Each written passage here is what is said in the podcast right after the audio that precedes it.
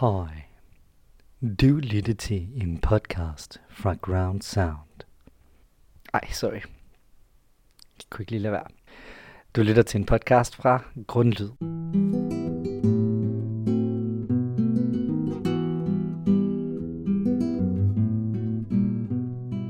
Mit navn er Mathias, og det er mit privilegie og min passion at undervise forårsholdet 2023 Grundvis Højskole i radio.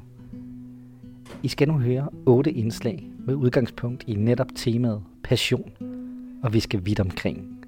Vi skal møde unge og gamle, kvinder og mænd, ja, sågar levende og døde. Vi skal til lattercoach, healing, frivillig idræt, og der dukker endda en nykåret verdensmester op. Og så skal vi høre om kristendommen i dag, når vi besøger både sovnets nye præst og områdets kristne højskole. Det eneste, vi mangler, er en rækkefølge. Her vil jeg lade det være op til tilfældet. Foran mig er her 8 spillekort med hver deres symbol. Jeg blander dem lige.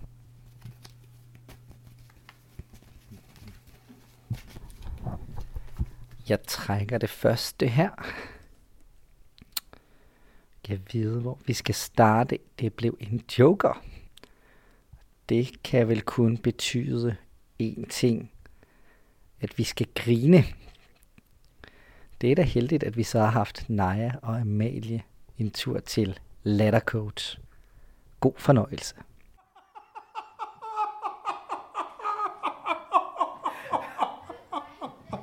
Det gør jeg altid, når der er telefon til, ja. Vi er taget på besøg hos Eivind. Så Eivind, øh, vil du ikke starte med at præsentere dig selv? Jo, jeg hedder Eivind. Ja.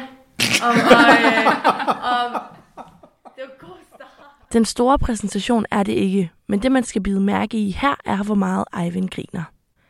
Et godt grin forlænger livet. Jeg dør af grin, og latter smitter mere end forkølelse. Citaterne om grin er mange, og ofte er de sat i sammenhæng med vores helbred. Vi undrer os over, om latter kan fungere som medicin, og har derfor opsøgt en, som ikke kun griner for sjov. Altså, jeg er jo latterinstruktør.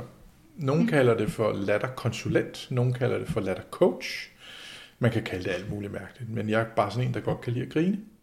Vi er taget ud til Eivind for at høre hans historie, og vigtigere endnu for at prøve medicinen af på egen krop. Okay, tak. Ja. I lige måde. Øhm, fedt. Ja. Hvad er det, hvad er det du laver, Eivind? Altså, jeg er jo latterinstruktør. Man kan kalde det alt muligt mærkeligt, men jeg er bare sådan en, der godt kan lide at grine. Og jeg kan godt lide at få andre mennesker til at grine. Og det gør jeg ved at holde noget, der hedder latterkursus. Og latterkursus, det er baseret på latter yoga. Fordi i yoga, der er der noget, øh, nogle forskellige øvelser, hvor man kan bruge latteren til at åbne kroppen op med. Og den ene af dem hedder løvelatter. Må jeg vise jer den? Ja, Okay. gerne. Okay. Gerne. Man åbner sine klør. Det er hænderne, ikke? Kan vi ikke prøve at gå med her? Ja, Jo, jo, jo, jo. Vi, vi åbner vores klør. Ja, så åbner man øjnene. Så åbner man munden. Så stikker man tungen ud. Og så siger man...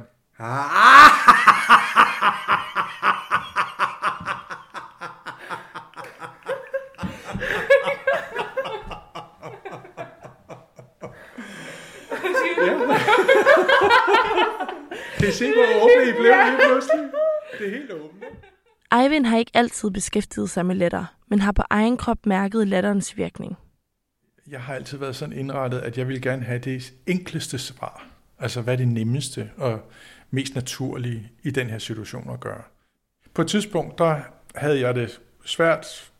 Jeg kunne ikke det, jeg gerne ville kunne. Øh, og så øh, mødte jeg nogle folk inde i København, der stod og grinede. Og jeg blev meget provokeret af det. Jeg kunne mærke, at jeg blev sådan lidt, øh, hvorfor, hvorfor foregår det her? Hvad, griner de af mig, eller hvad? Det gjorde de så ikke, for der stod nogle tusind mennesker og grinede, men altså... men det føltes lidt sådan, ikke? Øh, og jeg tænkte, det var godt nok pokkers, at et så enkelt værktøj, mm. at det er så stærkt, at det kan gøre så stor en forskel. Vi skal bare have sådan en her, en, øh, et par fingre, og så tager man et ordentligt hiv af den her tingest, sådan her det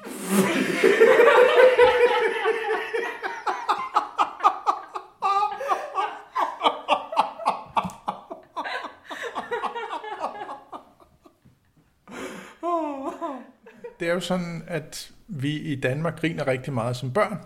Det gør man faktisk i hele verden. Men så øh, har vi en tendens til at aflære børnene at grine her i landet, og det har man også mange andre steder i den vestlige verden – Øh, Og det, der sker, det er så, at øh, når man for eksempel kommer i skole eller tidlig børnehave eller, eller noget af den stil, så kan der være en voksen, der siger, her er der ikke noget at grine af, eller hvis ikke du holder op med at grine, så må du uden for døren. Og det gør så, at børnene de simpelthen lukker ned for deres latter, og ikke rigtig kan komme ud med den længere, fordi det er jo blevet forbudt. Så når de fleste børn de når til puberteten, er de faktisk ikke rigtig i stand til at grine længere. Andet end med deres rigtig gode venner, der kan de så få grineflip. Det er der så også en anden grund til, øh, at de får grineflip. Det er fordi, når man ikke griner nok, så, så stiger spændingerne i kroppen, så bliver man mere og mere anspændt. Og for at komme af med alle de spændinger, så er man nødt til at grine. Eller græde. Man kan selv vælge. Mm, og det er meget enkelt. Man skal bare, du ved, strække en arm op. Så prøv lige det. Strækker en arm op. Så tager vi den anden arm op, og så måler vi en meter. Og det gør vi ved at sige sådan her. Øh, øh, øh.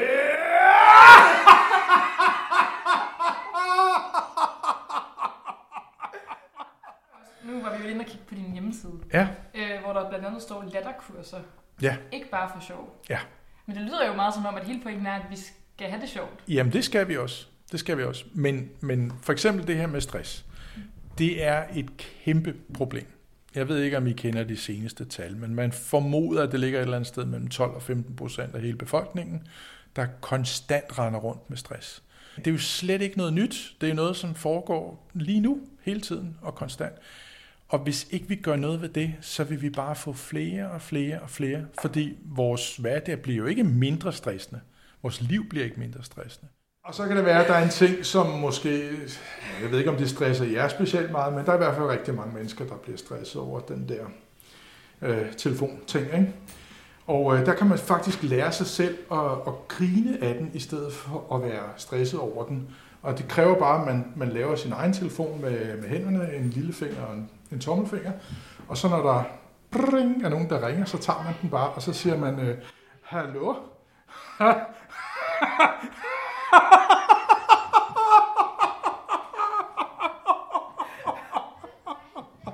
Det gør jeg altid, når der er telefonsælgere.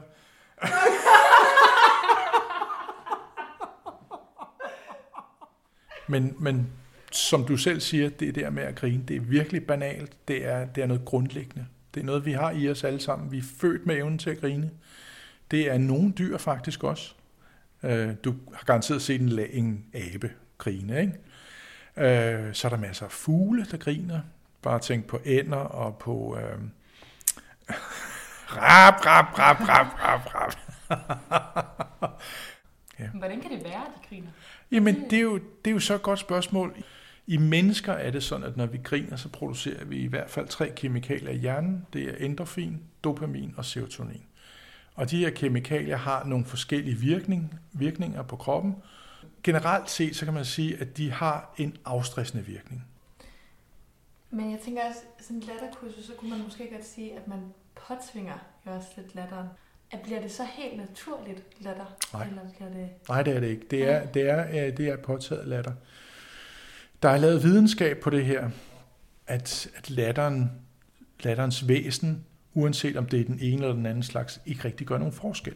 Så hvis du sidder og griner for sjov, altså bare sådan noget, eller du sidder og ser fjernsyn med folk, der sidder og griner, du ved det der dåselatter, ikke? eller du kigger på folk, der falder og slår sig, eller hvad det nu er, det er lige så godt for produktionen af endorfin, dopamin og serotonin, som hvis du grinede rigtigt. Eivind påstår altså, at det er lige meget, om du griner ægte eller falsk. Så når vi griner høfligt af dårlige farjokes eller i akavede situationer, så har det alligevel en god indflydelse på vores humør og helbred. Og ifølge Eivind er der endnu flere godter at hente i latterens univers. Bare man griner 10 minutter hver dag, så kan man faktisk få balance i sit liv. Der skal ikke så pokkers meget til. Når vi griner sammen på arbejdet, så sker der ikke bare noget med os selv, men også noget med kollegerne og med kunderne og med økonomien og sygefraværet. Og, altså, det var helt vildt så mange ting, vi kunne, vi kunne ændre på. Så hvis man griner mere på arbejdet, så kan det simpelthen fremme virksomhedens økonomi? Det gør det. det den, vi har, på en måned, Da vi grinede med den første virksomhed, der steg deres øh, omsætning med 34 procent. Bare fordi vi grinede en måned. Og så grinede vi yderligere et år i øh, en gang om ugen. Så steg den med yderligere 40 procent. så uddannede vi nogle latterinstruktører, og de blev så ved med at grine med virksomheden, indtil chefen han solgte virksomheden for 200 millioner. Og han grinede også hele vejen i banken. Fordi nu har vi ligesom varmet kroppen lidt op. Så nu er vi der, hvor vi nok godt kan bede den om at grine rigtigt. Hvis der er noget, man ikke lige synes, man kan finde ud af, eller ikke tør, så gør man det bare. Så hopper man ud i det, og så er man jo i gang. Og det kan man også med latter. Ha, ha, ha, ha, ha, ha, ha, ha.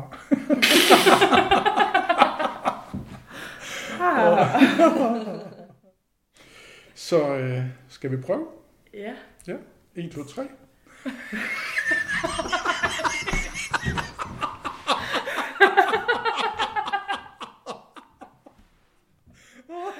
Det er jo helt fantastisk. Hvordan kan det virkelig lade sig gøre, at noget så simpelt som bare at grine, kan gøre så stor en forskel? Ja. Så, så ja, det er banalt, men jeg fandt ud af i, igennem alle de her år, det er det nemmeste, hurtigste, billigste og sjoveste måde at komme i kontakt med andre mennesker og komme i kontakt med sig selv.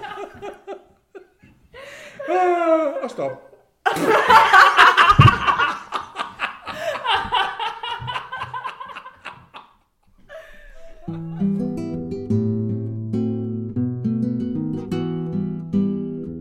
Vi hørte her indslag fra Naja og Amalie. Vi skal trække et nyt kort. Den næste i rækken. Det var klør konge. Hvad kan det betyde? En konge. Måske kong Christian. Det må være sådan. Det næste, vi skal høre, det er fra Tobias Magnus og Theodor, der har besøgt den lokale basketklub. Øh, Jeg synes, han er en rigtig god hjælpetræner og coach, og jeg synes, det er fedt, at han kommer og hjælper Michael til træningerne. Ja, så synes jeg, han er rigtig sød. Vi kender alle sammen en Christian. Om det er fritidsklubben, på arbejdet eller en lokale basketklub, så er der altid behov for en Christian. En Christian er en, der arrangerer frivillige begivenheder i weekenden, en, der møder tidligere op til en træning og pumper alle boldene, og generelt en, der nyder at hjælpe andre. Jamen, øh, mit navn det er Christian. Jeg er 20 år, og øh, jeg er primært frivillig træner i Hillerød Basketballklub. Og jeg har gjort det, ja, jeg har været frivillig øh, træner i fire år, øh, og spillet basketball i fem år.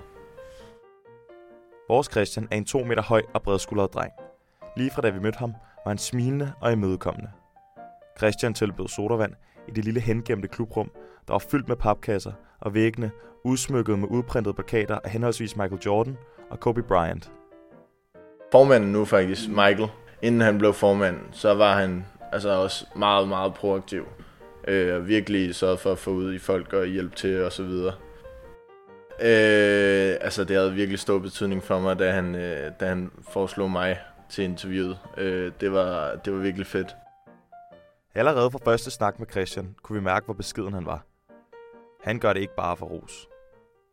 Jeg får meget ros. Øh, mest bare fordi, at de sådan stoler på, at øh, de kan lade deres børn blive, øh, blive t- til træning. Jeg har været lige sådan lidt konstruktiv øh, kritik, sådan så man måske kan forbedre sig på en måde, ikke? Øh, i stedet for bare ros. Vi har rykket os ind i baskethallen, og Christian begynder lige så småt sin baskettræning. Man ser hurtigt, at Christian er god med børnene, og energien i rummet bliver hurtigt ekstatisk. Altså, Christian kom til klubben for nogle år siden, og det var bare tydeligt med det samme, at han havde en enorm øh, børnetakke. Altså, han var god til at se børnene, og de var vildt med ham. Selvfølgelig bare i kraft af hans fysisk størrelse, men også fordi han ser børnene. Han, han smiler til dem. De, de, der er bare smil hele vejen rundt, når han kommer og kører en børnetræning. Øh, han havde meget i bagagen allerede, selvom han ikke kunne basket, fordi han havde arbejdet med børn øh, i svømmeklubben. Og det, øh, det gjorde, at han bare ligesom passede ind i klubben næsten med det samme. For første dag, som vi så ham nede i hallen, så var det bare fedt at inddrage ham i, i vores træninger og de ting, vi, vi lavede med børnene. Øh, og så er han pålidelig, han går op i det. Altså, det betyder noget for ham, og det kan man godt se, og det, øh, og det gør bare en forskel. Så ja. Og han er, jeg synes, han er ret sød. Og han træner godt. Hvad får Christian ud af at være frivillig træner? Og hvorfor vælger han at bruge sin fritid på frivillighed, modsat så mange andre unge? Øh, betydningen for mig, det er, at jeg helt klart øh, elsker at dele det, jeg laver, øh, og det er basketball. Øh, og det synes jeg er så fedt øh, at kunne, kunne ligesom give af. Altså fordi at du, du, du lærer dem i, i at, ligesom, at en ting at være social, men også en anden ting at være glad for sport og bevæge sig. Så det er helt sikkert en glæde, der giver mig ved at, at, have betydning for mig. Man får ud af, at man får øh, lov til at dele sin passion. Altså, øh, altså man får lov til at ligesom lave det, man virkelig gerne vil, ud over at arbejde øh, hele sit liv. Men i hvert fald dele noget øh, ud til, nogen, til den næste generation. Øh, og ligesom sætte sit præg på og sin, sin lyst til det gode basketballspil og den gode kultur og gode sociale liv. Han er en sjov fyr, en ret høj fyr, og en god fyr. Øh, Jeg får det faktisk mest at vide af forældrene bagefter, at de har sat virkelig stor pris på det. Øh, Jeg har ikke øh, oplevet det sådan direkte. Måske lidt indirekte, men mest af det forældrene, hvor de virkelig har sådan sagt, at han kommer hjem glad hver dag, og han er meget mere tilfreds, og han, er, han glæder sig til at komme til træning. Han er næsten uundværlig for den her klub, fordi at han ligesom kan bidrage med, øh, med sin frivillighed også. Altså, at han, at han bare kommer her, fordi han godt ved det for børnenes skyld. Ikke? Lige så heldige som Hillerød Basket er for at have Christian, lige så problematisk bliver det, den dag han ikke længere kan være i klubben. Øh, nu ved jeg allerede, hvad der sker, for jeg stopper, fordi jeg skal ud og rejse selv. Øh, det er, at de øh, kæmper hårdt for at finde erstatninger. Og vi har også vi har prøvet, både som klub, og jeg har også selv personligt prøvet at få fat i forældre og andre øh, fra, fra, øh, fra, øh, hvad hedder det, fra holdene, fra de yngre hold, om at blive assistenttræner og træner. Øh, og vi har også øh, i samarbejde med en tidligere landsholdstræner øh, har haft sådan nogle øh, øh, aftener hver tirsdag, hvor øh, vi gennemgår ligesom, hvad det er, man skal kunne som træner. Øh, så det har helt sikkert hjulpet. Øh, og jeg har virkelig også prøvet at få fat i forældre, fordi der er rigtig mange med basketballbaggrund, som er i klubben, som ikke viser sig.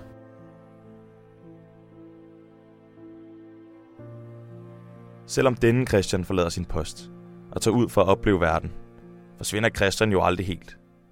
Der står nemlig en ny Christian klar, og stafetten vil med sikkerhed blive givet videre. Og med det vil jeg gerne sige tak til alle Christianer derude, som gør det muligt for alle børn og unge at dyrke deres interesser.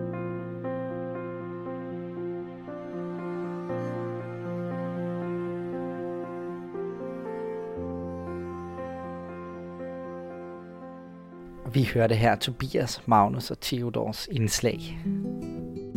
Og vi skal finde det næste i rækken.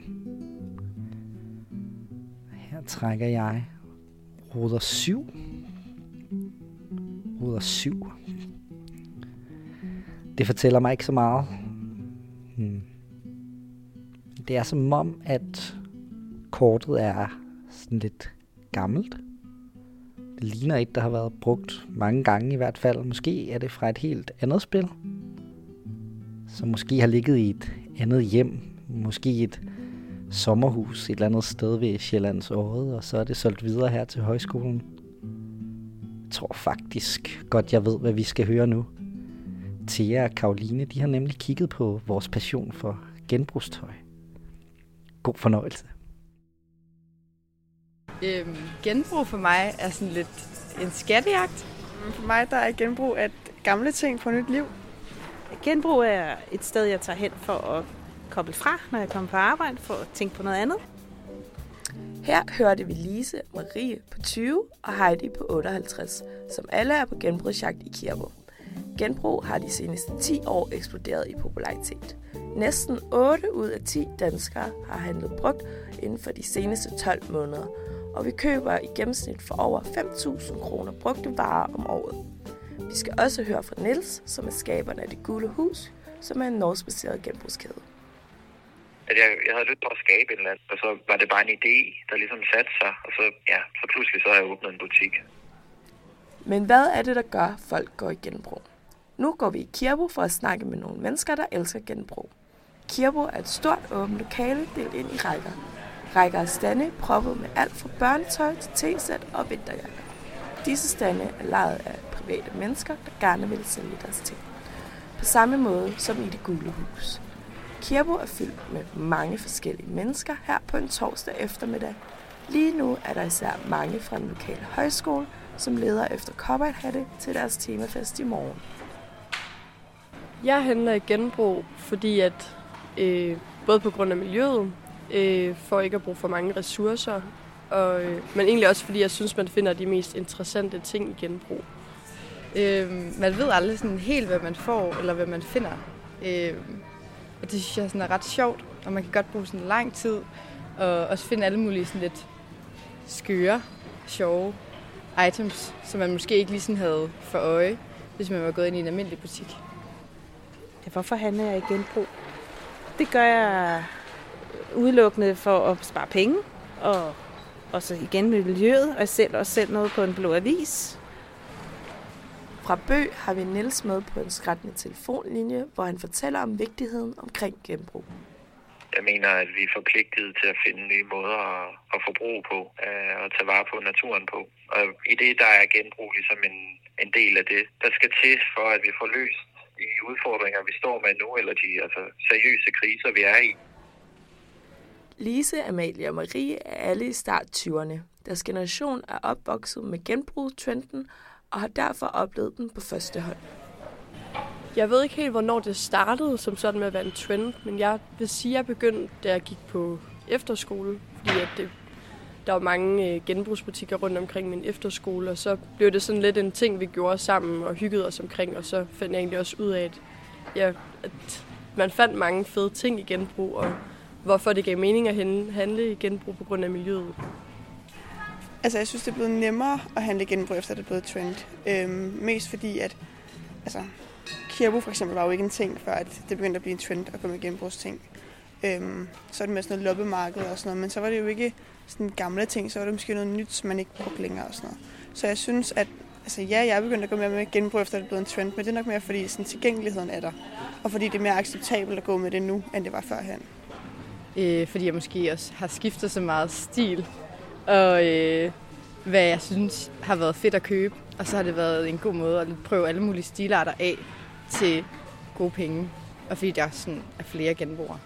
Øh, der er også mere målrettet, synes jeg nu, end dengang jeg startede med at gøre genbrug. Nils, som har arbejdet med genbrug i mange år, mener, at genbrug skal være den nemmeste løsning. Og jeg synes, det er en ret vigtig pointe at få med sig, at, at lige nu, så vil øh, regeringer meget gerne lægge ansvaret for, hvordan vi får forandring til ned på den individuelle forbruger. Og det gør man ved at sige, at det er forbrugernes ansvar at forbruge ansvarligt. Altså at sige, jamen, hvilke motiv har at handle? Er det netop politisk, miljømæssigt, eller er det for din egen vindings skyld? Men det er en helt, helt forkert start at tage. Vi burde være opmærksom på, at det simpelthen er regeringen, der bliver nødt til at sætte nogle spilleregler for, hvordan vi kan forbruge. Så egentlig bare hygge os alle os andre med at, at købe ting, som folk jo bare godt kan lide. Jeg tror ikke, jeg tænker over øh, noget i den forstand. For jeg har altid gået på loppemarkedet og givet, kigget på ting. Så det tror jeg faktisk ikke, der er sådan nogen grund til sådan. Anna, jeg synes også, det er hyggeligt og sjovt. Mm, jeg vil nok sige, hvis jeg skal være helt ærlig, at det nok er stil. Fordi at det er bare det, jeg tænker allermest over, når jeg går i genbrug. Det skal være noget, jeg synes, der er fedt, og ikke fordi, at jeg tænker, at jeg vil redde planeten. Jeg tæ- det tænker jeg mest som et plus. Jeg synes også, man kan øhm, klart se en værdi at det er så billigere. Øh, det betyder meget for mig. Der er jo flere ressourcer over jorden end nede i jorden i dag. Så der er simpelthen så mange materialer, vi kan genbruge. I stedet for for at brænde dem eller sprede dem ud i verdenshavene, så burde vi bare samle dem ind og genbruge dem. Den tanke, den, den følger mig hver dag i det, jeg gør. Det bedste ved genbrug, det er jo ordet i sig selv, ikke? At andre kan få glæde af de ting, som man ikke selv kan bruge. Det bedste ved genbrug er, at man øh, gør noget godt, og man får nogle, synes jeg, gode ting til billigere penge. Det bedste ved genbrug, synes jeg, at det er billigt, mm. og der er rigtig meget samlet på et sted. Øh, så man kan bare sådan kigge i lang tid og finde alle mulige spændende ting, som, ja, som sagt, andre måske ikke lige har. Der er mange forskellige motiver til at gå i genbrug. For nogle er det vigtigste at kunne finde unikke ting, ingen andre har, eller finde ting til en billig pris. Mens for andre er genbrugspassionen drevet af et større politisk motiv, som er bidrag til at bekæmpe klimaforandringer.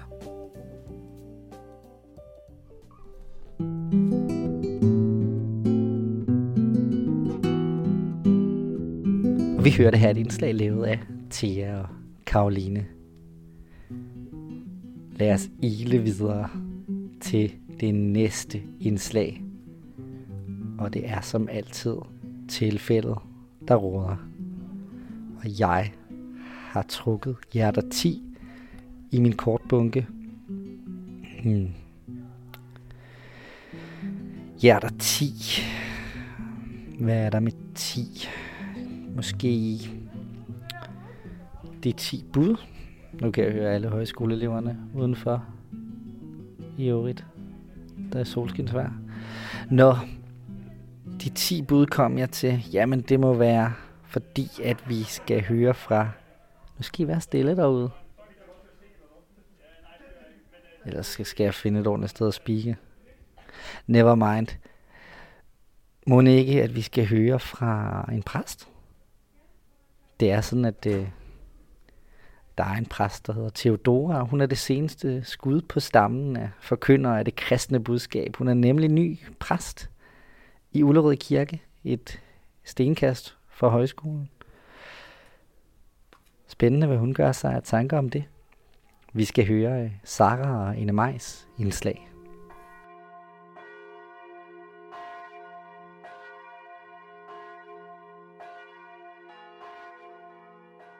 Velsignet være han, som kommer i Herrens navn.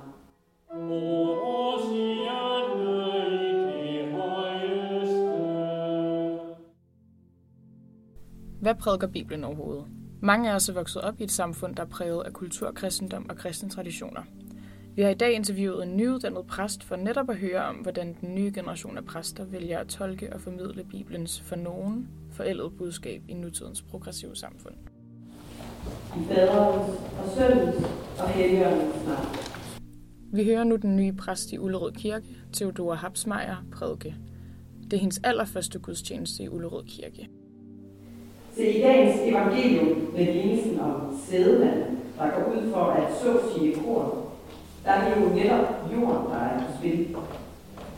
Det er et centralt tema både for lignelsen, men også for situationen, at der er tale om østlighed, men også gavmildhed med såvel korn som ord.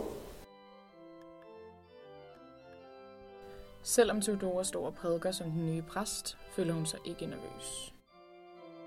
Lige den der faktisk ikke, altså det er også, det hedder en højmesse, jo en højmesse er gudstjeneste søndag kl. 10.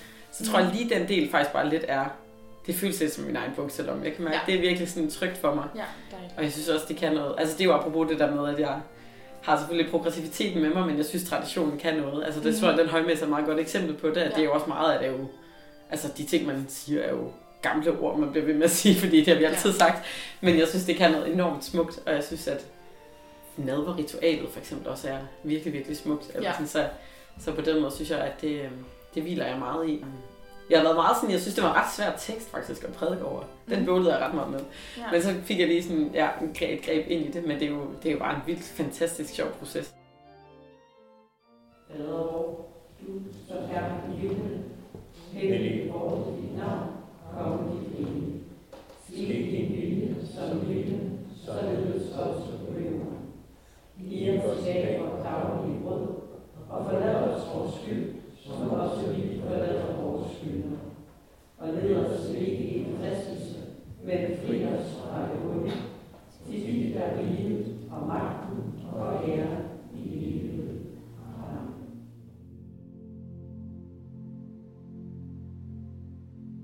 Øhm, jeg voksede op i Sønderjylland, i Løgum Kloster, som øh, lidt er et specielt sted på mange måder, fordi det er øh, det sted, hvor alle præster i løbet af deres præsteliv kommer til, fordi det er der, man øh, tager sin efteruddannelse som præst. Øh, og det er fordi, at min, begge mine forældre er teologer faktisk, så jeg har ligesom vokset op med, med folkekirken i baghaven, kan man vist godt sige, mildest talt. Øh, ja, men, men med en meget udogmatisk tilgang til, øh, til kristendommen. Øh, mine forældre gjorde meget ud af det her med, at, øh, kirken var et, plads, et sted, hvor der var plads til, til alle, og det ikke var et sted, som skulle være et, hvad skal man sige, et fængsel, vi skulle passe ind i, men, øh, men mere en, en åbning ud til verden. Og hvornår læste du Bibelen for første gang, og ligesom, hvor du satte dig ned og reflekterede over, over de eventuelle budskaber, der, der er? Det var nok omkring faktisk, da jeg skulle konfirmeres, husker jeg det her med sådan, det tidspunkt i ens liv, hvor man ligesom skal til at, at finde ud af, hvilke ben man skal stå på, at jeg, øh, at jeg læste nogle, jeg husker, det var faktisk lignelsen om den, det fortabte får, jeg læste sammen med min far, hvor jeg tænkte sådan, okay, men, at der lå noget mere end en god historie, men at der lå et, øh, også et, et, et etisk og et moralsk budskab øh, i det, som jeg ville kunne bruge som kompas på en eller anden måde i mit liv. Så det var nok først der i teenageårene, jeg sådan brugte de bibelske fortællinger som noget mere end en god historie. Og har din tolkning af Bibelen så ændret sig i takt med, at du har ændret dig og, og er blevet ældre? Ja, altså det synes jeg. Øhm, det synes jeg er noget af det smukke, at, at det ændrer sig Mm. hele tiden igennem hele ens liv. Altså at det, den måde, man anskuer verden også ændrer sig på, når man, når man møder verden på andre måder, møder mennesker, der, der ser verden på andre måder. Så det synes jeg er en, en konstant udvikling, hvis man kan sige det sådan. Hvornår bestemte du dig for, at du ville læse teologi så? Ja. Ja, hvornår gjorde jeg det? Det er jo sådan lidt... Altså, jeg tror, fordi jeg netop kom... Altså, det virkelig bare var min baghave på en eller anden måde. Så tror jeg, jeg var meget øh, bevidst om, at det skulle jeg i hvert fald ikke til at starte med. Mm. fordi det var mine forældre. Øhm, så først var det egentlig mere nysgerrighed for, for faget, mere end det var et præstekald på den måde. Mm. Mm. Øhm, men det var i gymnasieårene, der jeg, jeg læste, startede med at læse teologi i 13, var det vel 2013, så der havde jeg ligesom haft de der to år efter gymnasiet, hvor jeg lige havde fundet mine ben at gå på. Nu endte du så med at blive præst. Ja. øh, og har du så et bestemt budskab, du fokuserer på, når du, når du holder dine prædikener? Ja, altså noget af det smukke jo, synes jeg, når man er præst, det er jo, at man øh, jo ikke bare prædiker for en forsamling. Det gør man får jo lov til ligesom at tale med mennesker i alle livssituationer. Altså både når man skal lægge nogen i graven, og når man skal døbe et lille barn, og når man har konfirmander, og når man har børnegudstjenester og søndagsgudstjenester. Øh, så på den måde kan man sige, at der er vinklen jo forskellig alt efter, hvem man taler til. Øh, og det har nok lidt med mig som sådan et varemærke, det her med at kunne tage imod alle mennesker som et Guds barn. Øh, og det betyder jo ikke, at, at alle er børn i sådan en barnlig forstand, men det her med at være et Guds barn, at vi, at vi alle sammen har det tilhørsforhold. Jorden skal jo kontinuerligt kultiveres. Den skal gødes. Den skal vandes og gøres klar til at blive tilslået. Sådan er det jo også med menneskelivet. Der er dage, hvor vores jord kan føles hård som klippegrund, helt uimodtagelig og hård. Og så er der dage, hvor vi mangler dødningens kraft til selv spire og vokse. Men nogle dage, hvor foråret virker i os, så kan jorden have de optimale betingelser for, at ordet kan vokse frem, og vi kan slå nye frø.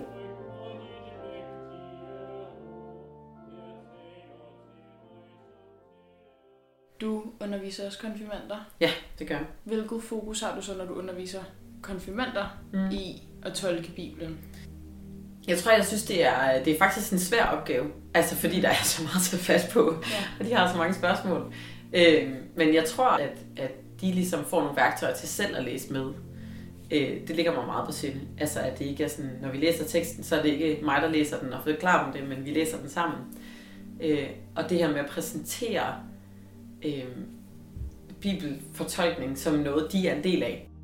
Når jeg tager ned på skolen for eksempel, så, øh, så har jeg jo ligesom, så gør jeg meget ud af, at jeg ikke skal forkynde på den måde. Altså, Ja. og forkynde betyder jo ligesom, at jeg siger, øh, sådan her er gudsriget eller på en måde, ikke? Men det her med sådan ligesom bare at sige, at kristendom er også en, en religion, og altså på den måde være mere objektiv, ikke? Men når de kommer som konfirmander, så, øh, så vil de jo også gerne vide, hvad jeg synes. Øh, og det synes jeg også er vigtigt, altså at have det med, at, øh, at når de spørger mig, hvad synes du, så har jeg også et ansvar for ligesom, at sige, hvor jeg står henne. Men det er vigtigt hele tiden også at sige til dem, at det betyder jo ikke, at, at jeg nødvendigvis har svaret på, hvad sandheden er. Synes du så, at det er retfærdigt, at de præster, som har en måske mere konservativ øh, tolkning af Bibelen, at de ligesom har et talerør også til den yngre generation. Man kan sige, de er der jo så længe, der er nogen, der kalder på dem. Det er jo sådan, det fungerer, når man bliver præst, så bliver man jo kaldet af en menighed. Så er der en menighed, der siger, vi vil gerne have det dig, der går forrest.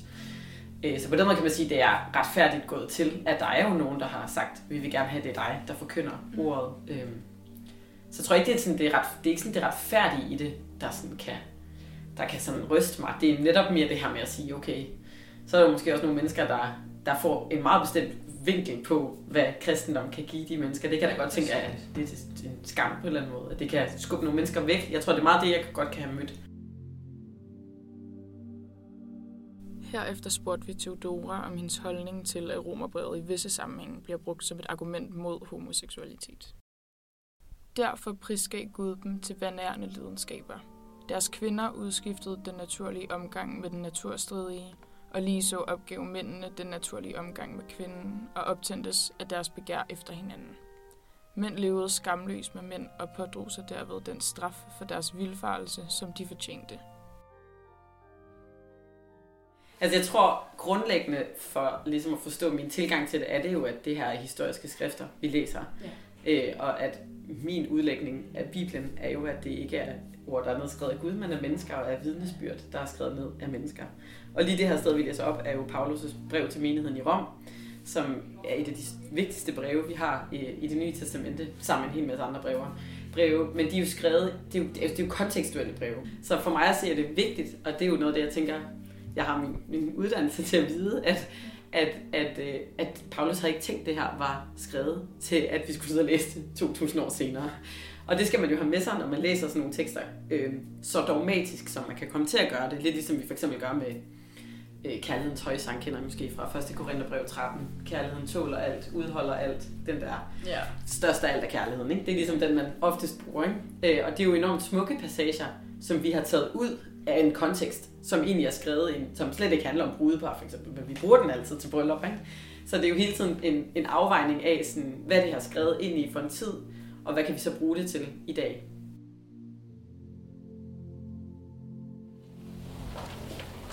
Vers 18.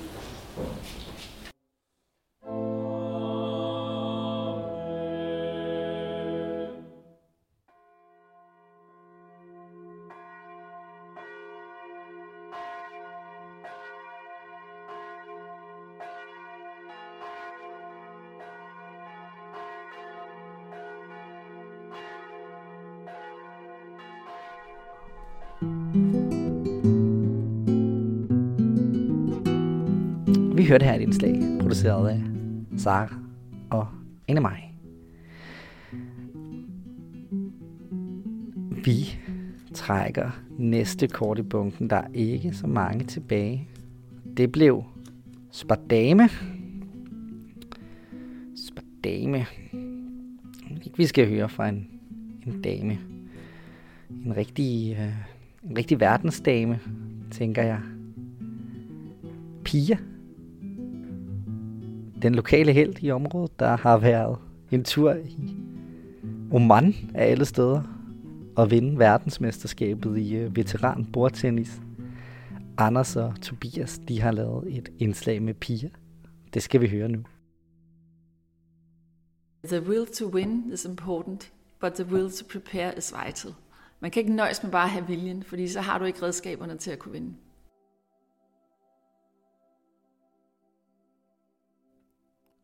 Verdens bedste bordtennisspiller. 15 gang Danmarksmester, selvstændig erhvervsdrivende og mor til fire. Pia Tolhøj er et sportsligt unikum, men hun er mere end det. Vigtigst af alt er hun et menneske med passion. Den 21. januar 2023 kun overvældet Tolhøj efter to ugers kraftanstrengelser i Omans solbrændte hovedstad Muscat lader sig kåre som verdensmester i veteranbordtennis. Vi tilbragte en eftermiddag med Pia i hendes residens i Charlottenlund, en rockhold onsdag i februar, med et ønske om at forstå mennesket bag præstationerne.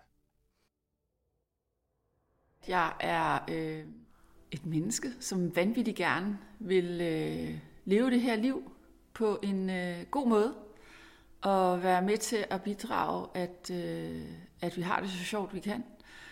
Og øh, med min øh, idræt, så kan jeg mærke, at det er det, der giver mig den gode energi. Det er stedet, hvor jeg kan søge hen.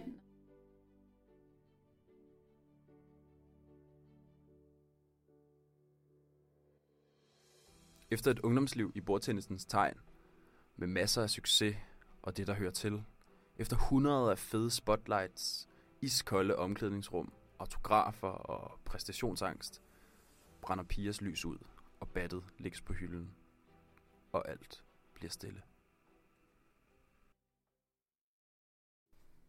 I to årtier er battet lagt på hylden, og Pia realiserer drømmen om at stifte familie og egen virksomhed. Men så en dag, 20 år efter hendes karrieres ophør, indtræffer et nyt og dystert kapitel i Pias liv. Jeg var øh, totalt ramt af stress med børn, fire børn, selvstændig, med en dør, der åbner 6 og 7 dage om ugen. Og så forældre, øh, jeg er efternøler, så jeg har tre ældre søskende, så mine øh, forældre var jo også oppe i alderen, der begyndte at blive syge. Og jeg har en, øh, min aller, allerbedste veninde, som jeg øh, mister til kraft i en alder af 45. Så der efter det her år, øh, der var jeg så langt ude, så jeg vågner en morgen og ikke kan bruge min venstre side. Jeg var virkelig syg. Det næste halve år tilbringer Pia Tolhøj i sengen med nedrullede patienter. Energien til at tage sig af omverdenen var væk, og overskud var byttet ud med underskud.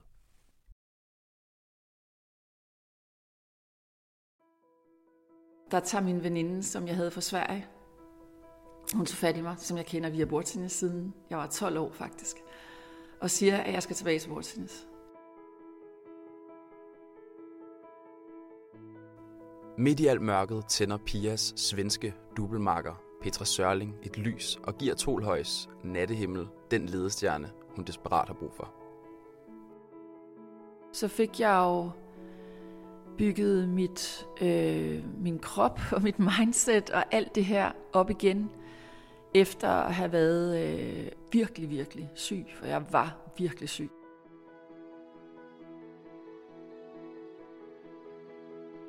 Med bordtennis genopleves Pias indre fighter, og skridt for skridt bevæger Pias psyke sig tilbage i balance. Pias stærke mindset ses tydeligst, når battet er i hånden. Det kan godt være, at jeg kom ud forleden dag til en på, min, øh, på mit hold, og øh, jeg kan mærke, at jeg har det svært derinde. Jeg taber det her sæt, og så kommer jeg ud. Jeg ved jo udmærket, at jeg har tabt det sæt. Men så spørger personen her på mit hold, hvor meget tabte du? Og så siger jeg, men det er jo ikke interessant. Og så spørger vedkommende igen, men hvor meget tabte du? Og der kan jeg mærke, at jeg er blevet stærkere. Førhen, så vil jeg sige, hvad stiffet var blevet. Men her der siger men, men jeg er jo lige kommet ud, og det er jo ikke interessant. Du kan jo ligesom fornemme på mig, at jeg ikke synes, at jeg har det svært. Så jeg vil gerne fodre mig selv med noget, der er positivt. Netop det med at fodre sig med det positive er afgørende for pigers stærkere mindset, der i dag gør hende i stand til at danse omkring på livets hullede landevej. At komme ud mellem øh, sættene og også den samtale, jeg har derinde ved bordet, at den er positiv. Og jeg kan jo se i, øh, i livet også her, at man går hele tiden og er opmærksom på de ting, man ikke når. Og vi skal virkelig, virkelig hjælpe hinanden. Så med at have, have fokus på de gode bolde. Man har en tendens til, når man konkurrerer, og også i livet altid at se på det, der ikke fungerer. Pia og bordtennis er i dag udadskillige. Den har ændret hendes liv, og hun former fortsat veteranbordtennisverdenen med den ene kraftpræstation efter den anden. Når jeg kigger tilbage på de sidste fem år, hvor jeg har været tilbage i bordtennis, så havde ikke bare mit eget liv set anderledes ud, men det havde også dem, jeg er omkring, For jeg havde ikke været på samme måde øh, tilbage og være så glad, fordi det var, jeg var virkelig ramt. Det var Anders og Tobias' indslag, vi hørte her. Der er tre indslag tilbage. Nu trækker jeg et kort. Og det er faktisk lidt mystisk, det her. Det var Spardame igen. Den har vi ellers lige haft. Hmm. Den er vist gået igen, kan man sige. Jeg tror godt, jeg ved, hvad vi skal høre nu. Og vi skal blive her på skolen. For det handler om Frederik. Det næste indslag kommer her.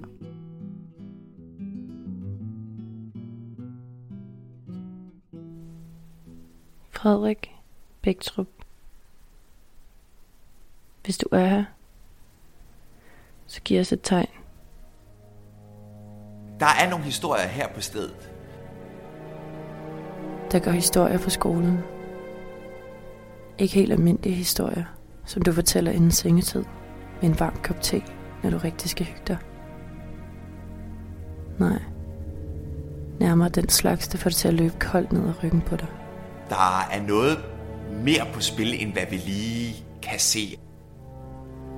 Den slags, der får dig til at vente om en ekstra gang, når du går i mørket for at sikre, at ingen forfølger dig.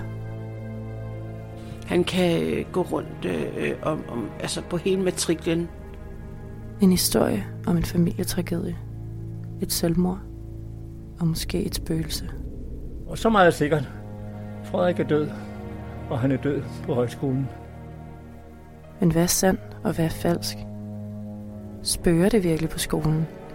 Eller er det bare en opdigtet historie, skabt til at skræmme højskoleelever? Det har jeg, Esther, sat mig for at finde ud af, sammen med Mathilde, som jeg laver den her podcast med. Historien starter mange år tilbage, men vi begynder her, på Grundvis Højskole, med personalet. Den gang, jeg oplevede noget mærkeligt, der, der var der en øh, guldtæppegang. Guldtæppegangen. På guldtæppegangen. Det rum, der hedder gulvtæppegangen. Det er et lille stykke på, i fordragssalen, hvor man går ind under sådan lidt lavere tag. Der startede en meget, meget mørk gang med meget, meget mørkt træ. Med gammeldags knirkende gulve. Med brune paneler, og hvor der lugter sådan øh, lidt surt af gulvtæppe og støv og sådan noget. Gamle senge og gamle træmøbler sådan fra den gamle skole. Så hele stemningen var også lidt anderledes end for resten af, af skolen. Jamen altså lige nu er det jo en foyer, der går op til fordragssalen, men på søjlerne, der kan man stadig se, hvor de gamle værelser har været. Det er ligesom alle hjørnerne. Og der lå seks værelser, tre døre på hver side. Og på de værelser foregik der til synlædende underlige ting. Især at der er et af værelserne, der dukker op i flere historier. Og det var det værelse til venstre, længst ind mod foredragssalen, at jeg synes, der var noget. Der var ikke nogen elever, der havde værelse på gulvtæppegangen, så der var man ret alene. Øh, og ofte var der heller ikke rigtig andre lærere, der var der samtidig. Jeg kan huske, der var nogle gange, hvor jeg ligesom hørte nogle knirken øh, og mærkelige lyde rundt omkring. Og det er jo egentlig meget almindeligt på skolen, fordi der foregår så meget. Men det kunne være lidt mærkeligt, når man ligesom vidste, at man var den eneste op på gulvtæppegangen. Jeg havde hørt, at haha, har jeg hørt om grundvisspøgelset og sådan noget. Det var bare sådan noget, der blev sagt til eleverne. Og så en sommer, så skulle jeg ud og tisse en nat. Og så øh, går jeg ned for enden af gangen og går ud og tisser. Skynder mig tilbage, og så kan jeg simpelthen ikke åbne min dør. Der er noget, der står i vejen på den anden side. Og jeg skubber og skubber, og så kommer jeg endelig ind og kan se, at alle mine sko er legnet op langs den væg, hvor døren ligesom også er. Og jeg var bare lige ude at tisse. Det tog måske 40 sekunder, ikke? Jeg hørte ikke noget, og jeg så ikke noget. Og jeg var bare sådan, okay, nej, jeg var sikker. Jeg blev nødt til at bilde mig selv ind. Det var selvfølgelig mig selv. Altså, for ellers kunne jeg ikke holde det ud. Jeg tror faktisk, jeg skiftede værelse. Jeg havde simpelthen ikke lyst til at bo deroppe alene. Der er musikere, der øh, klager over, at deres ting bliver rykket rundt, når de har fået tildelt værelset. Der er mange af vores indlogerende, som altid boede på det værelse, der kommer klager over, der har været nogen herinde. Og jeg kan især huske, at der var en, en, en nat, hvor jeg så gik ned ad gangen, fordi det, det var som om, der var noget, der skræmmede. Men jeg tog ikke gå derind og kigge, fordi nu havde jeg jo hørt om øh, spøgeriet. Så jeg tænkte, ej, jeg skal ikke blande mig i noget. og så gik jeg i seng igen. Det virkede som om, at det var sådan noget, en stol, der blev skubbet, eller sådan noget, skraben hen over gulvet. En anden oplevelse, som jeg har haft, det var en elev, som intet havde hørt omkring spøgelser, men som meget seriøst kom og spurgte mig en, en aftentime, hvor jeg skulle til at låse af, om jeg var bange for at låse af, fordi hun kunne mærke noget. Hun var der jo ikke samtidig med gulvtæppegangen, men i det område for enden af trappen, der havde hun noget oplevelse, og hun sagde, at der var mange, og, og de pressede på. Og så øh, kommer det også mig for øre, at vi på et tidspunkt havde en medarbejder, som efter eget udsagn var synsk. Og hun fortalte historier om, at der var spøgelser på gulvtæppegangen. Og helt konkret kunne hun sige, at hun havde set det ene øh, inde på et af værelserne, øh, hvor hun kunne se, at det var en mand, der stod øh, ved vinduet. Og så var der jo det, at der gik nogle rygter om, at det spøgte. Det, jeg ved ikke, hvor de rygter stammer fra, men øh, de blev ved at florere. Samtidig finder jeg jo så ud af, at vores tragiske historie om Frederik Bæktrup, den har også sin fysiske forankring lige ovenover gulvtæppegangen. Det er på loftet, direkte over det her værelse, hvor de her hændelser foregår, at øh, den her tragiske øh, familietragedie øh, havde sin afslutning. En tragisk afslutning. Navnet Frederik Bæktrup. En gulvtæppegang og snak om spøgelser.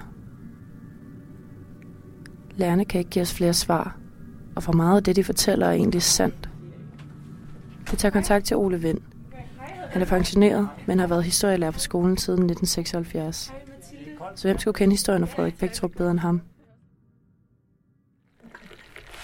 Ja, Frederik Bæktrup er jo ikke et kendt navn, ligesom hans far Holger Bæktrup, som, som byggede skolen i Hillerød.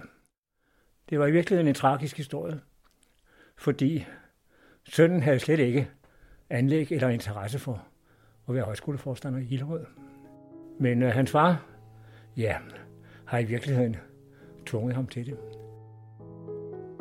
I 1934 gik skolen falit, og det blev hans personlige tragedie. Det står ikke i højskolens historiebøger, men øh, det er en del af historien, at efter 2. verdenskrig, der kom han tilbage en dag på højskolen og tog sit eget liv. Så Frederik Bæktrup begik altså selvmord på skolen. Kan det være ham, der spørger nu? Og hvad vil han? Pernille Gulvi er klaverjant med speciale i afdøde kontakt. Nu må jeg endelig tage en chokolade. Vi tager hjem til hende og håber på flere svar. Pernille kender ikke til højskolen eller historien om Frederik. Alligevel er hun ikke i tvivl. Altså, når jeg stiller ind, det hedder Grundvis Højskole, ikke? Når jeg stiller ind på Grundvis Højskole, så er der spøgelser. Det er der. Det er Frederik, der spørger på skolen. Det er det. Han vil gerne ses og høres. Han har holdt utrolig meget af det sted. Han har jo noget at fortælle, øh, om det er, hvorfor han begik selvmord. Det, det, kan jo, det kan jo være mange ting. Alt er muligt i forhold til, hvilken kommunikation han vil bruge. At man flytter rundt på ting. Det kan være en stol, der står skævt. Det kan være et billede, der hænger skævt. Altså det, det, det kan være hvad som helst. Og når han har den energi, at han gerne vil ses og høres, altså så vil det blive værre og værre og værre med tiden. Men der er ingen tvivl om, at, øh, at øh, I har et spøgelse på, på, på højskolen, og det hedder Frederik. Han vil meget gerne snakke med jer. I går op ad en trappe. I går ind i et rum. Og så er der flere rum. Det er et tredje rum. Er der et tredje rum? Ja. Fordi det, det, det, det kunne også være muligt at gøre det der. Så hvis I siger, giv mig et tegn, det plejer at være den klassiske vej til at få et svar. Det tredje rum. Altså det rum, hvor alle lærerne har oplevet mystiske ting. Det værelse, der engang havde knirkende gulve, og hvis loft var sted for Frederiks selvmord. Det værelse, som nu er lavet til foyer inden skolens foredragssal. Indrettet med hyggelige sofaer. Vi beslutter os for at teste det. Det er mørkt udenfor. Klokken er 21.28. Og vi er helt alene. Vi sidder i foyeren, også kendt som den gamle gulvtæppegang. Skal vi prøve at spørge Frederik? Ja. Jeg synes det er godt, mit hjerte det slår lidt ekstra. Frederik Bæktrup, hvis du er her, så giv os et tegn i lyset.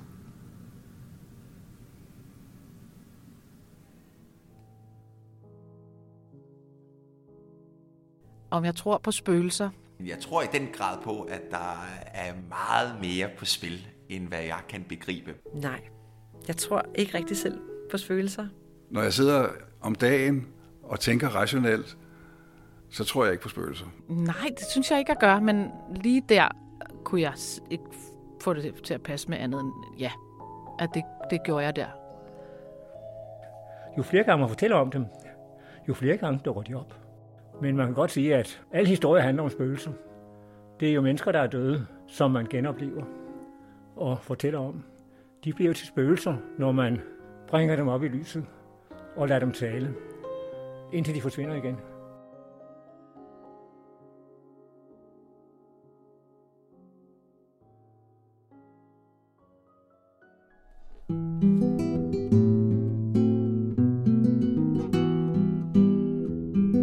Og vi hørte et indslag, der var produceret af Esther og Mathilde.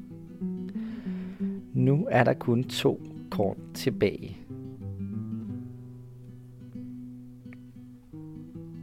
Og jeg trækker den her. En knægt.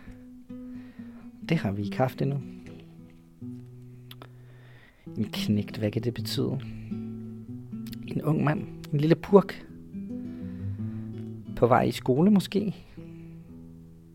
Måske en højskoleelev. Jeg tænker, vi skal en tur på højskole. Det er sjovt, fordi at øh, Ella og Freja og Katinka, de har været på Kristen Højskole og lavet et indslag om, hvad det vil sige. Det synes jeg, vi skal høre nu. God fornøjelse.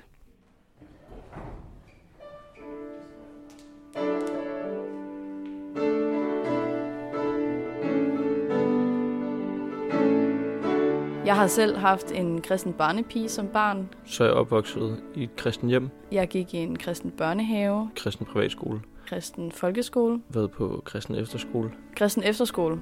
og øh, nu er jeg her på Luthers Missionshøjskole.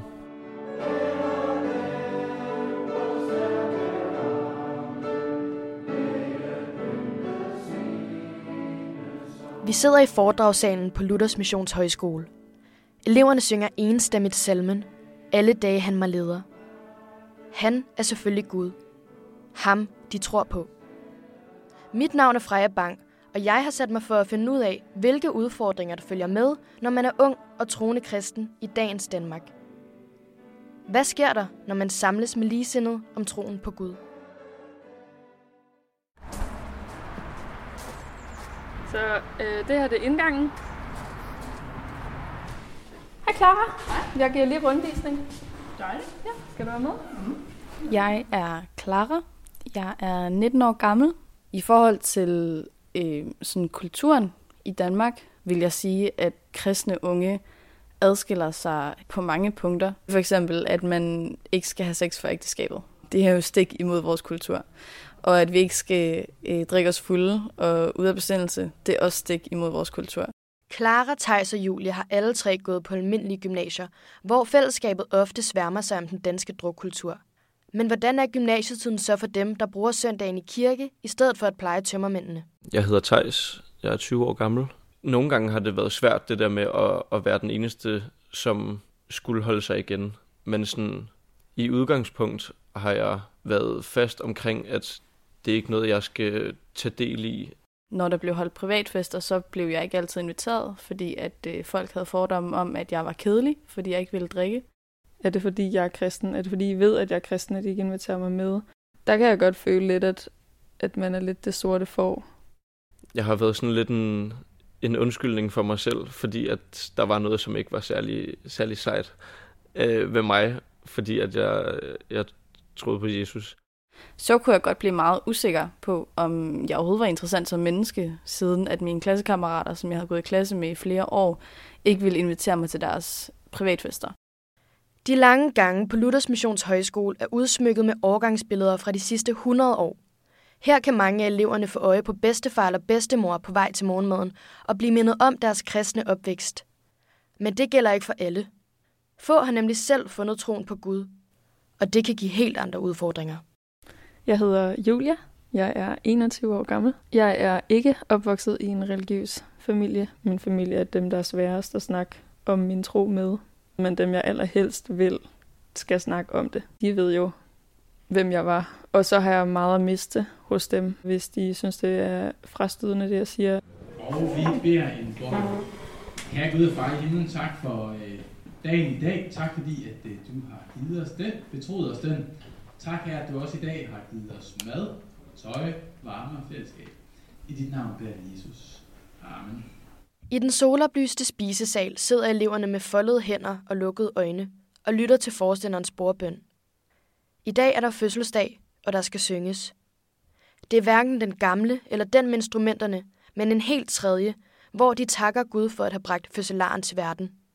Disse ritualer møder man ikke lige frem på gymnasiet eller andre højskoler. Men her er der plads til, at eleverne kan dyrke deres tro uden andres fordømmende blikke. Det er meget øh, befriende på en måde at være omkring andre kristne unge. Dem, jeg går med her, føles også ret meget som min familie, fordi det kan sætte lidt en afstand mellem mig og min, min familie, at jeg tror på noget, som de ikke tror på. Og så at være omkring de her mennesker, som bare forstår mig på en anden måde.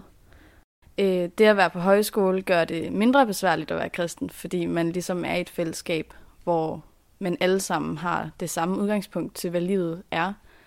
Der har jeg gået på et, øh, et kristen fodboldhold, hvor at det med at, at holde en andagt, eller altså bede inden kamp og så videre, det har været en del af det at være på det hold. Og det har jeg nyt rigtig meget. Det at være i et kristen fællesskab, det synes jeg er virkelig trygt. Folk de ser så dumme ud, når de danser, og der er ikke engang alkohol, når vi holder fester her på LMH. Det er virkelig, virkelig fedt at kunne danse og se dumme ud. Man, man stiller sig selv meget sårbar, når man, når man taler om noget så øh, betydningsfuldt for en. Og det er bare virkelig dejligt, at der er nogen til at gribe ind i det. Sex, det har jeg jo øh, haft før jeg blev kristen. Og det har også bare givet mening for mig, ikke at skulle have det. Altså der er mange ting, som faktisk bekræfter, at det er sandt, det jeg har fat i, fordi det har givet mening, efter jeg er blevet kristen. Hernede har vi spisesalen. Her har vi min kæreste Mads. Hej. Der har vi pigegangen, det er det, vi kalder nordfløjen. Og så helt øverst oppe, der har vi ægteskabsgangen. Dem vi ser her, de er sendt ud som missionærer øh, til forskellige steder i verden. Og øh, det er typisk lande, som øh, ikke har øh, særlig mange kristne i landet til at brede budskabet. Flere steder på skolen hænger der verdenskort med billeder af de lutherske missionerende. Eleverne bliver undervist i at sprede deres tro. Men i dagens Danmark kan det være svært at overbevise to hormonfyldte teenager om lige at holde nallerne fra hinanden ind til ægteskabet. Et homoseksuelt par om, at deres kærlighed er forkert. Eller en ung kvinde om at opgive retten til at bestemme over sin egen krop. Jeg synes, det har været svært mange gange, og der er blevet kigget skævt, om du, du går ikke ind for abort. Samtidig også har været stålfast i, at jeg mener altså, at det første stadig er et menneske, og det har sin ret til at, at leve. Det svære ved fordommene, det er, at de som regel siger noget rigtigt. Kristne er ikke for abort, og kristne er ikke for homoseksualitet så er det to ting, som jeg jo er enig i. Men problemet bliver, når, det, når dialogen ikke bliver taget. De første spørgsmål, man får stillet, det er, om man er imod abort, eller hvad man siger til homoseksuelle. Øhm, og der er bare så meget mere til kristendommen end de to spørgsmål. Der er meget det der med at have et håb om, at der er noget bedre i vente. Der står, at, at Gud vil tørre hver tårer bort fra vores kind. Og det kan man ikke gøre uden at være helt tæt på hinanden. Han vil være så tæt på os, at jeg kan mærke ham fysisk på min kind. Det, det hjælper mig i min hverdag og i mit liv fremadrettet, det er, at, at jeg har en, jeg kan lægge mine bekymringer over på. En, jeg øh, tror vil det bedste for mig. Øhm, for mig, der er de måske 80 år, jeg kommer til at leve her, der er det ikke det vigtige, øh, fordi at jeg har en, en evighed i vente, som er langt bedre end det liv, jeg kommer til at leve her. Og så har jeg en, øh, et stort ønske om at komme til at, at ride på en løve. Der står i Bibelen, at øh, løven og larmet skal græsse ved siden af hinanden.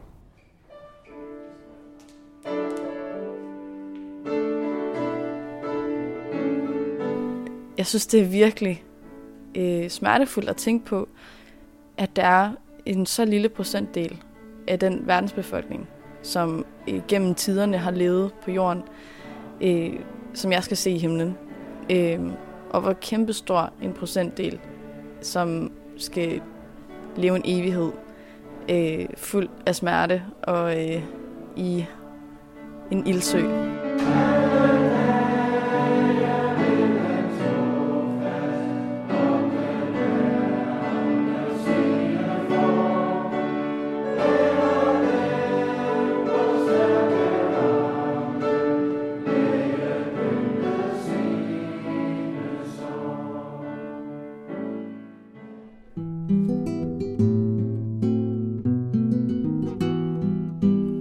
Indslaget, vi hørte, var produceret af Ella og Freja og Katinka.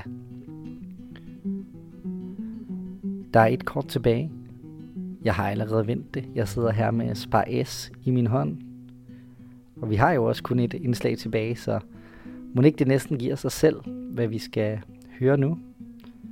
Det er selvfølgelig Trine og Sigrid. De har været hos Healer. God fornøjelse.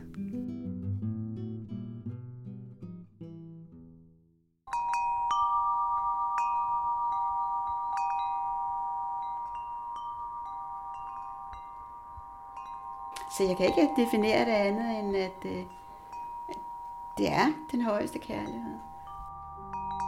Sæt dig nu rigtig godt til rette på en stol, og tag et par dybe vejrtrækninger. Træk vejret igennem næsen, helt ned i maven. Hvordan har du det lige nu? Og forestil dig nu, at over dit hoved har du en stor, lysende kugle. Måske kunne du forestille dig, at det var en sol eller en lotusblomst. Og fra den kugle trækker du smukt hvidt lys ned igennem midten af dit hoved. Og lad det lys flyde ned og fylde hele din krop. Så arbejder jeg jo på den måde, at øh, jeg lader egentlig den universelle kærlighedsenergi øh, komme igennem mig. Altså som en kanal. Øh, jeg plejer også nogle gange at sige, at det er ligesom en kaffekande, der bliver fyldt op, og så lige pludselig løber det ud af tuden. Og sådan kan man sige, at, at energien løber ud gennem mine hænder til, til det menneske, der nu er her og, og skal heles. Fyld dine tæer, dine fødder og dine ankler. Lad det hvide lys fylde dine underben, knæ og lår. Og man kan godt forestille sig, at øh, den universelle energi, den kommer ind igennem midten af hovedet simpelthen. Så det er vigtigt, at vi lader den fylde hele vores egen krop, så vi ikke går død i det.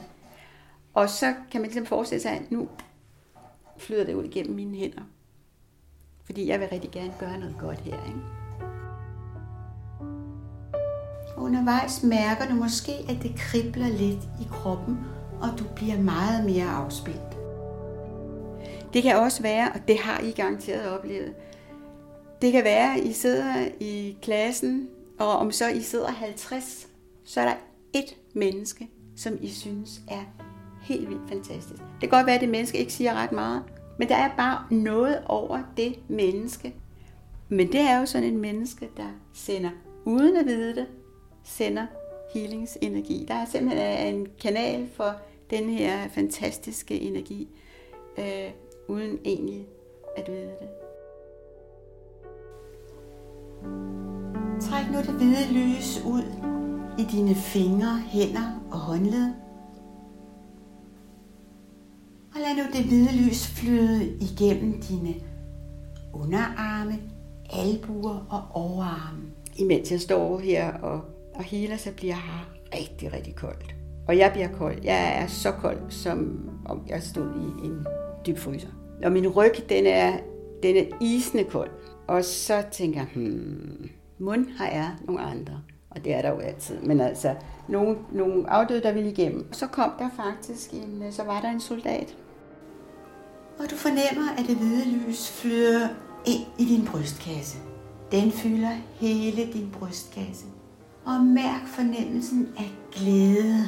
Uniformen var fra 40'erne eller sådan noget lignende. Det var, jeg, jeg kunne så mærke, at, at, øh, at den her øh, sjæl havde ikke, været, havde ikke prøvet det her før.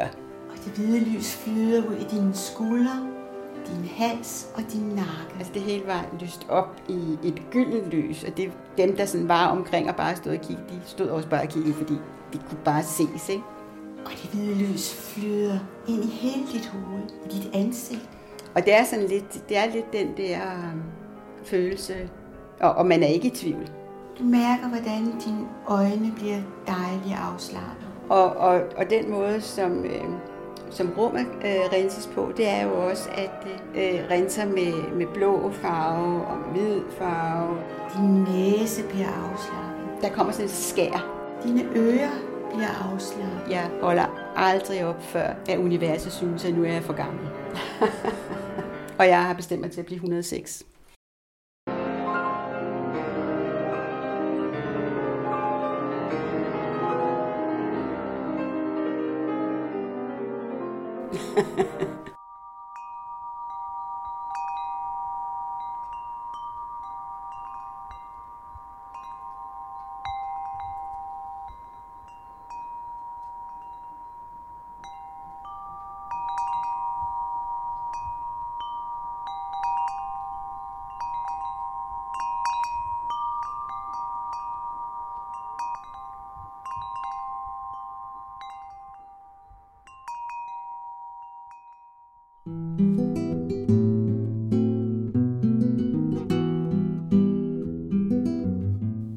Det var alt for denne gang. Tak fordi du har lyttet med. Og tak til Amalie, Anders, Andreas, Ene Maj, Karoline, Ella, Esther, Freja, Katinka, Magnus, Mathilde, Naja, Sara, Sigrid, Thea, Theodor, Tobias og Trine for deres indslag.